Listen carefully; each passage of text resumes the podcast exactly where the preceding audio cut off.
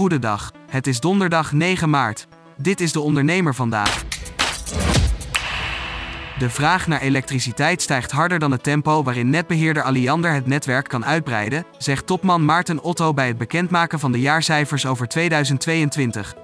Afgelopen jaar werd meer elektriciteit gebruikt omdat consumenten en bedrijven meer elektrische auto's, zonnepanelen en warmtepompen hebben aangeschaft.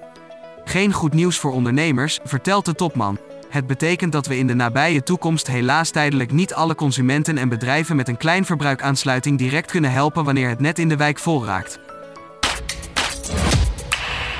De omzetstijging van de Nederlandse transportsector is in het laatste kwartaal achtergebleven bij de rest van het jaar.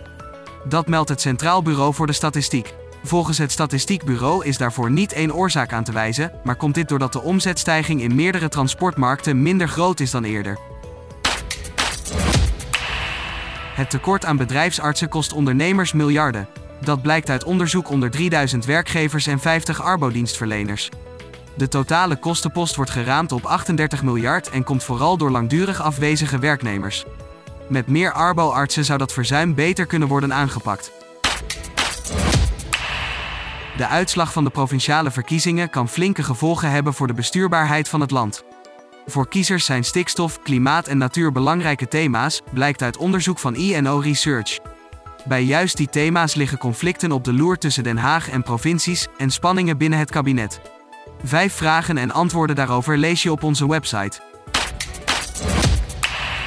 Loyaliteitsprogramma's als spaarzegels en airmiles richten zich vooral op omzetgroei.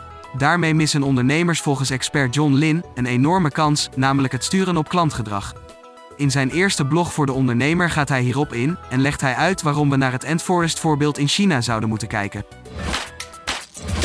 Tot zover de ondernemer vandaag. Wil je meer? Ga naar deondernemer.nl.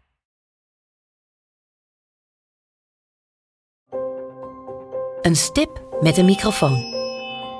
Voor een ondernemer die durft te dromen van het grote succes.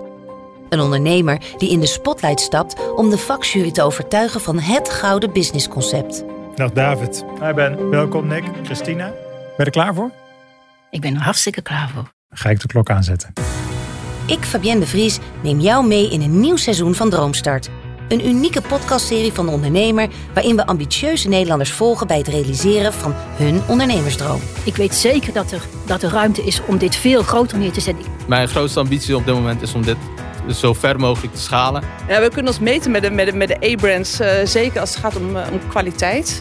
En mensen die willen ervoor betalen als het werk gewoon goed wordt geleverd. Volg Droomstart in je favoriete podcast-app en mis niets van dit unieke kijkje achter de schermen. Droomstart is een initiatief van de ondernemer en podcastbureau As We Speak en wordt je aangeboden door Credits.